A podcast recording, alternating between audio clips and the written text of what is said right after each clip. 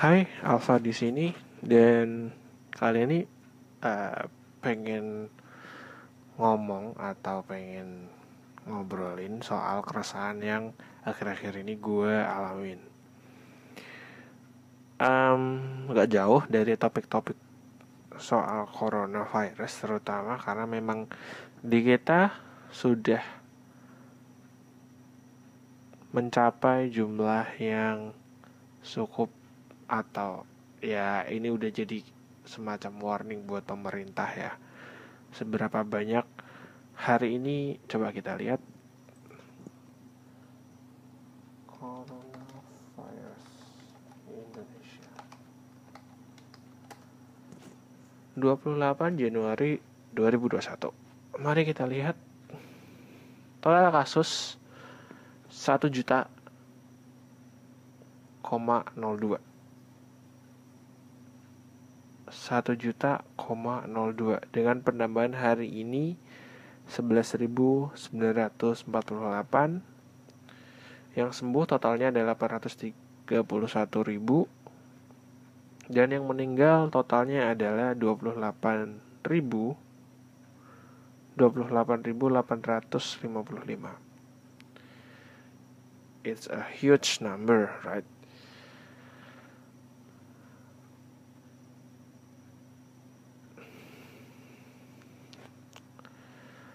Ngomongin corona, akhir-akhir ini gue jadi mikir buat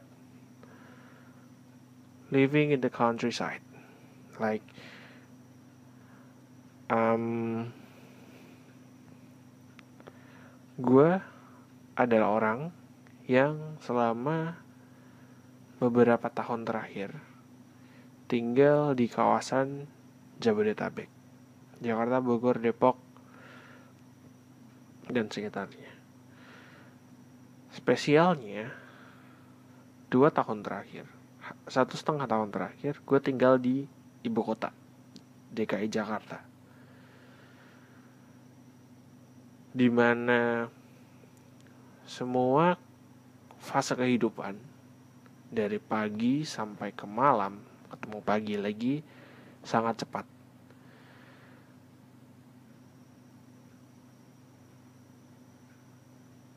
orang lalu lalang ya walaupun sekarang sedang coronavirus pandemi tapi tidak menyurutkan tidak berarti orang-orang uh, tidak beraktivitas di luar rumah. Orang-orang tetap banyak beraktivitas di luar rumah. Di jalan di taman dan segala rumah sakit dan segala macam gue mulai mempertimbangkan membandingkan kehidupan gue sebelumnya sebelum kuliah gue tinggal di salah satu kabupaten kecil yang ada di daerah Jawa Timur.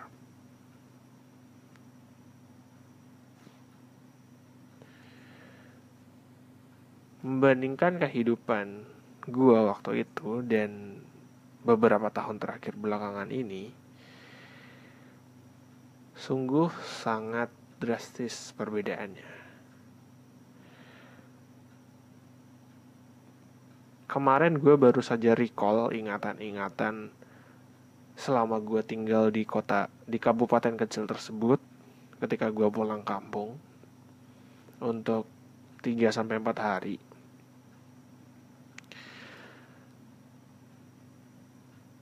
Perbedaan paling mencolok adalah kehidupan malam. Ya, bukan well bukan soal prostitusi dan segala macam hedon dan segala macam aktivitas di malam hari di kampung ketika lewat jam 7 setengah 8 atau habis sholat isya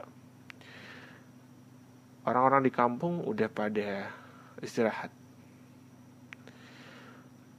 udah pada tidur nonton TV atau sekedar melepas lelah dengan keluarganya gitu. di rumah udah sunyi udah lampu udah pada tinggal lampu depan doang lampu-lampu rumah udah pada di matiin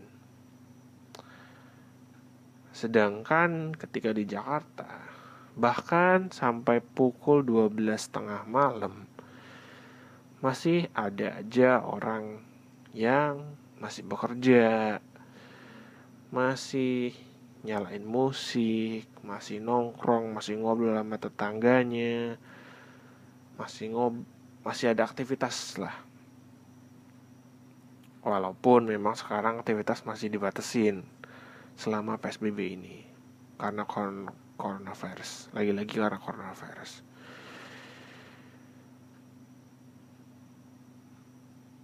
Gue yang sebelumnya sedikit frustasi dengan jam tidur gue yang harusnya bisa istirahat tapi mendengarkan orang-orang masih ramai masih ramai berbincang beraktivitas segala macem. Gue langsung takjub. Ketika balik kampung jam tujuh setengah delapan udah pada sepi. Takjubnya adalah bisa ya um, kondisinya bisa sesepi ini, bisa setenang itu. Ketenangan yang tidak pernah gue dapatkan selama di Jakarta dan sekitarnya. Ketenangan yang mungkin mahal untuk gue dan sebagian dari kalian mungkin.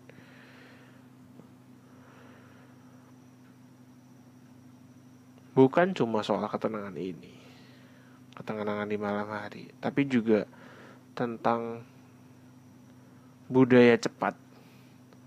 Ketika di kota, kota-kota besar terutama Jakarta dan sekitarnya, orang-orang dituntut untuk bergerak cepat, cepat, cepat, cepat, cepat gitu. Sehingga kadang-kadang kamu merasa bahwa wah sudah jam segini, wah udah jam segini. Kamu bangun tidur, kerja atau melakukan aktivitas yang lain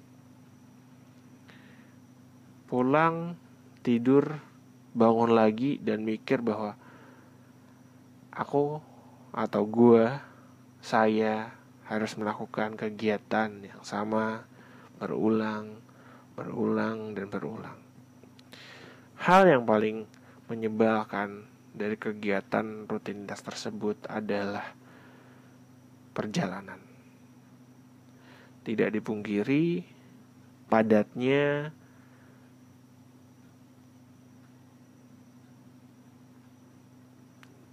tidak dipungkiri padatnya Jakarta dan kota-kota sekitar. Membuat pada jam-jam kerja dan jam-jam pulang kerja banyak orang bermigrasi dari satu tempat ke tempat lain secara bersamaan dalam skala yang besar. Membuat stres dari kemacetan, polusi udara, semuanya.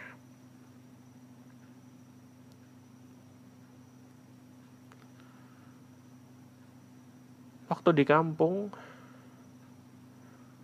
gue berkendara juga pakai motor. Tapi rasanya bener-bener beda rasanya bener-bener kayak kamu bisa menikmati setiap meter, setiap kilometer jarak yang kamu tempuh. Dengan cuaca yang cukup bersahabat, um, walaupun memang ya agak hujan dan dingin, akan tetapi kamu bisa menikmati nyaman dan tidak mengalami stres. Gue mungkin terlalu muda buat ngomongin stres dan segala macam tuntutan pekerjaan karena memang gue baru berumur kurang dari 25 tahun. Tapi gue rasa hal tersebut harus gue ungkapkan karena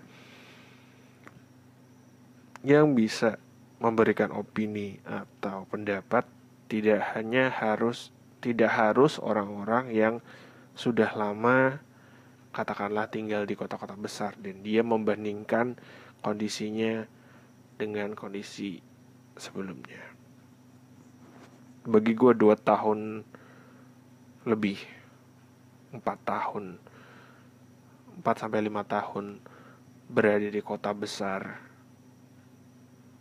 Dari yang sebelumnya gue tinggal dan besar di kabupaten yang kecil dari kampung.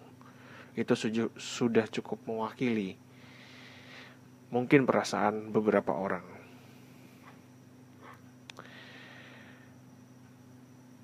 Kalau bisa milih sebenarnya gue pengennya adalah tinggal di tempat yang um, tidak menuntut gue untuk berpindah terlalu cepat. Kalau slang wordnya adalah slow, walas gitu. Tapi hal terbesar yang membuat gue takut untuk mengambil langkah tersebut adalah mimpi-mimpi yang ditawarkan di kota-kota besar mimpi-mimpi tersebut tidak sebanding dengan mimpi yang ada di kampung, di kabupaten-kabupaten yang kecil. Mimpi untuk bisa dapat akses lebih bagus, dapat penghasilan yang lebih. Katakanlah, ketika kamu di kampung, upah minimummu adalah 2 juta.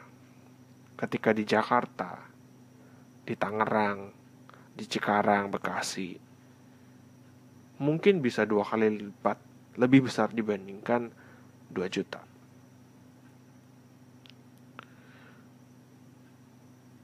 Oke, orang pasti berpikir bahwa upah minimum tersebut akan sebanding dengan harga harga yang ada di daerah tersebut. Secara teori seperti itu. Tapi kenyataannya tidak juga bahwa ketika di kota-kota besar harga makanan relatif sama. Mungkin memang lebih lebih mahal dibandingkan dengan di kampung tapi ya masih affordable. Dan opsi pilihannya jauh lebih banyak dibandingkan dengan di kampung. Kota-kota besar memang memberikan kenyamanan dari segi akses. Pangan, kemudian sandang, papan, akses ke akses ke tempat-tempat yang vital seperti rumah sakit, tempat makan, kemudahan untuk membeli uh, barang-barang, ketersediaan barang-barang itu jauh jauh lebih bagus dibandingkan di kampung ya memang sekarang sudah mulai merata dengan adanya uh, toko online.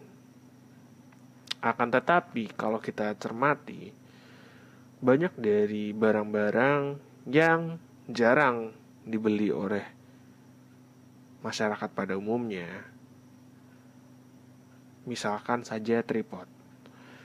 Tripod itu tidak semua orang butuh. Ya orang-orang dengan background uh, yang orang-orang lah pegang kamera lah ya. Dan berkutat dengan kamera yang butuh itu. Petani tidak butuh tripod.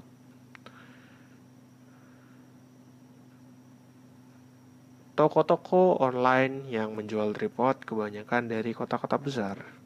Jakarta, Tangerang, Surabaya tetap saja barang-barang tersebut disuplai dari kota-kota besar. Sehingga memudahkan untuk teman-teman gue juga yang tinggal di kota besar sehingga mengurangi biaya ongkos kirim waktu untuk datang estimasi pengiriman dan it's a big deal for a few people. Misalkan dari kamp dari Surabaya ke kampung itu bisa sama-sama Jawa Timur katakanlah. Ongkos kirim bisa 9000 sedangkan ketika kamu tinggal di Surabaya dan kamu beli barang dari Surabaya bisa saja ongkos kirimnya gratis kamu tidak perlu membayar ongkos kirim dan barang tersebut bisa sampai dalam waktu kurang lebih 24 jam. Tapi kalau kamu dari kampung, mungkin bisa memakan waktu 2 sampai 3 hari. Kecuali kamu pilih layanan yang ekspres yang tentu saja biaya pengirimannya bisa berkali-kali lipat dibandingkan biaya pengiriman normal.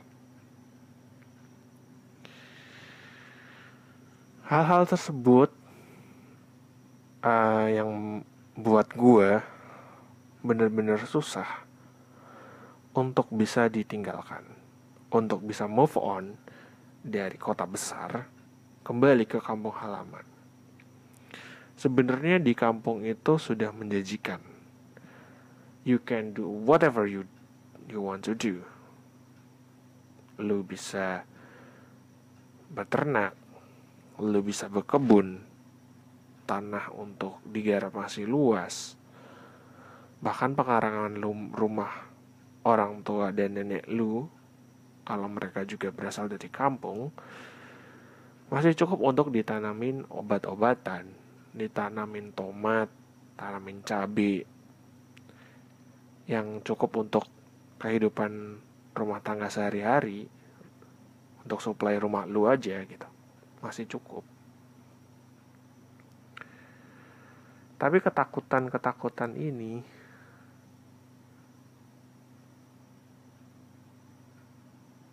yang gue alamin adalah harus meninggalkan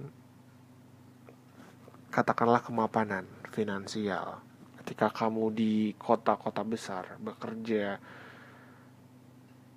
dengan gaji atau pendapatan rutin tiap bulan dan harus banding setir menjadi seseorang yang mendapatkan uang atau gaji atau pendapatan yang tidak menentu tiap bulan.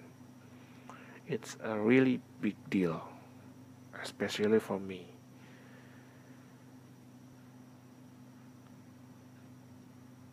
Kalau tidak memikirkan masa depan like if I live for myself not for my future wife or children like something like that gue akan milih untuk tinggal di kampung aja. Untuk hidup dari hari ke hari. Kalau untuk makan pasti ada. Pasti bisa. Nggak mungkin nggak bisa. Tapi untuk memenuhi kebutuhan-kebutuhan lain ini yang nggak bisa. Yang mungkin mungkin harus diperjuangkan lebih ekstra. Ketika gue di Jakarta berangkat dari pukul 8 sampai pukul 5 dari Senin sampai Jumat sampai Sabtu udah gue berangkat dari jam 8 pulang jam 5 habis itu gue tidak akan berpikir untuk okay, um, what should I do next? What should I do tomorrow?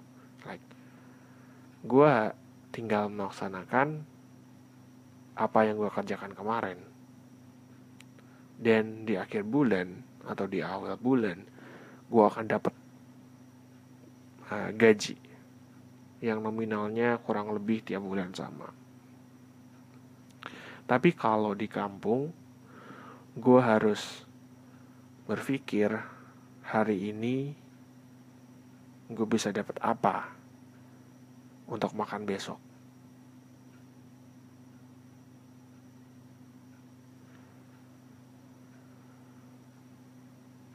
Itu sih sebenarnya yang jadi hambatan terbesar gua untuk pindah dari kota ke kampung pindah kembali dari kota ke kampung.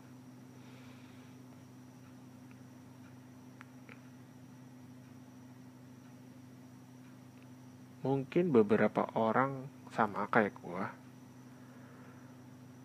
dan sudah menemukan jawabannya mungkin.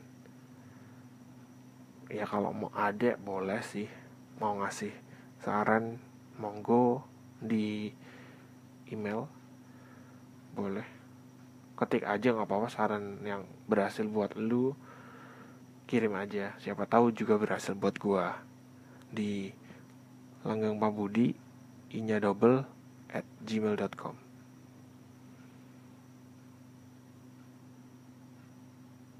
wait ngomongin email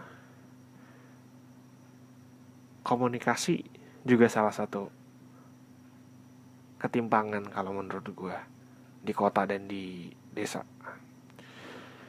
Di kota lu bisa dapet koneksi cepat. Mau itu lewat paket internet uh, paket data paket uh, wifi dan segala macamnya. Akan sedikit jomplang atau timpang ketika lu di desa atau di kampung.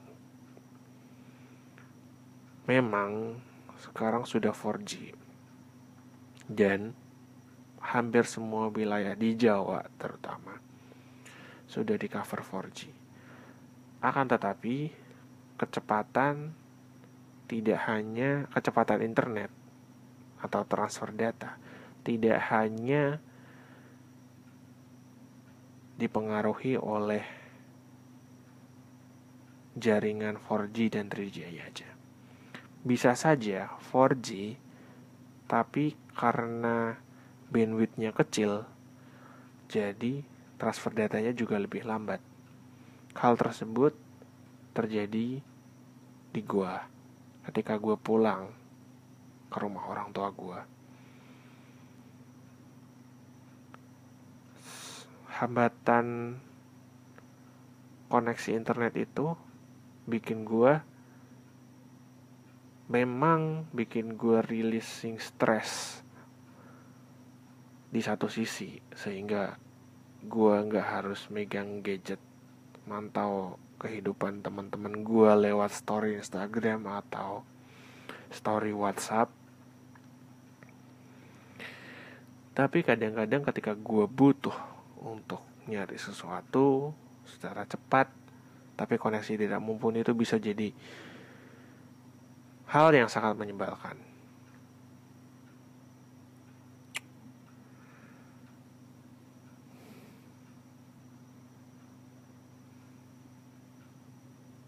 Jadi, oh ya, soal kerjaan ya. Kalau kerjaannya bisa WFH, enak kali ya lo kerja untuk perusahaan yang ada di Jakarta dan sekitarnya tapi lo tinggal di kampung. Jadi lo dapat pendapatan UMK-nya Jakarta. Tapi biaya hidup ketenangan dan segala macamnya bisa lo dapat di desa. Tapi ingat nggak semua kerjaan bisa kayak gitu. Contohnya kerjaan gue kerjaan gue nggak bisa dibawa WFH nggak bisa dibawa atau dikerjakan dari rumah. Kerjaan yang menuntut untuk gue ada di situ. Gue gak bisa mantau lewat koneksi internet doang lewat layar kaca doang layar handphone atau layar laptop atau layar komputer doang gue berpikir buat kadang gue berpikir buat cari pekerjaan yang bisa atau memungkinkan gue untuk mengerjakannya dari mana saja asal koneksi internetnya stabil. Ya kalau lu ada opsi atau ada saran kerjaan-kerjaan yang kayak gitu boleh diskusi sama gue di email yang tadi gue sebut atau ada di gue ntar gue tulis di uh, deskripsi.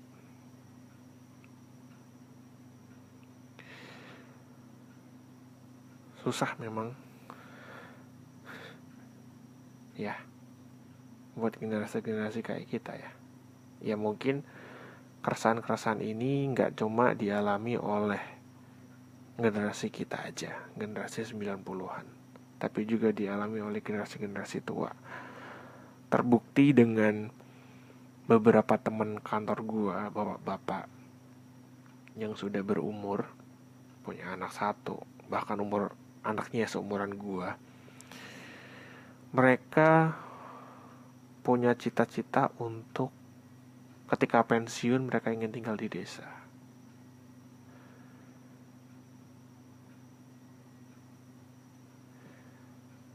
Pernah gue tanyain kenapa tetap memilih untuk tinggal di kota saat ini.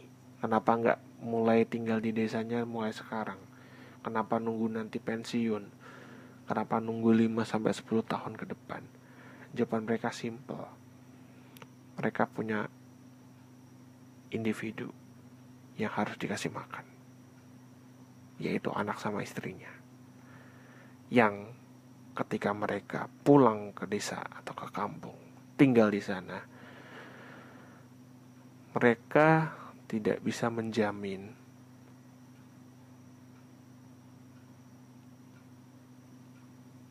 anak dan istrinya mendapatkan fasilitas dan terpenuhi kecukupan, terpenuhi kebutuhannya secara cukup layaknya sekarang di Jakarta atau kota-kota di sekitarnya.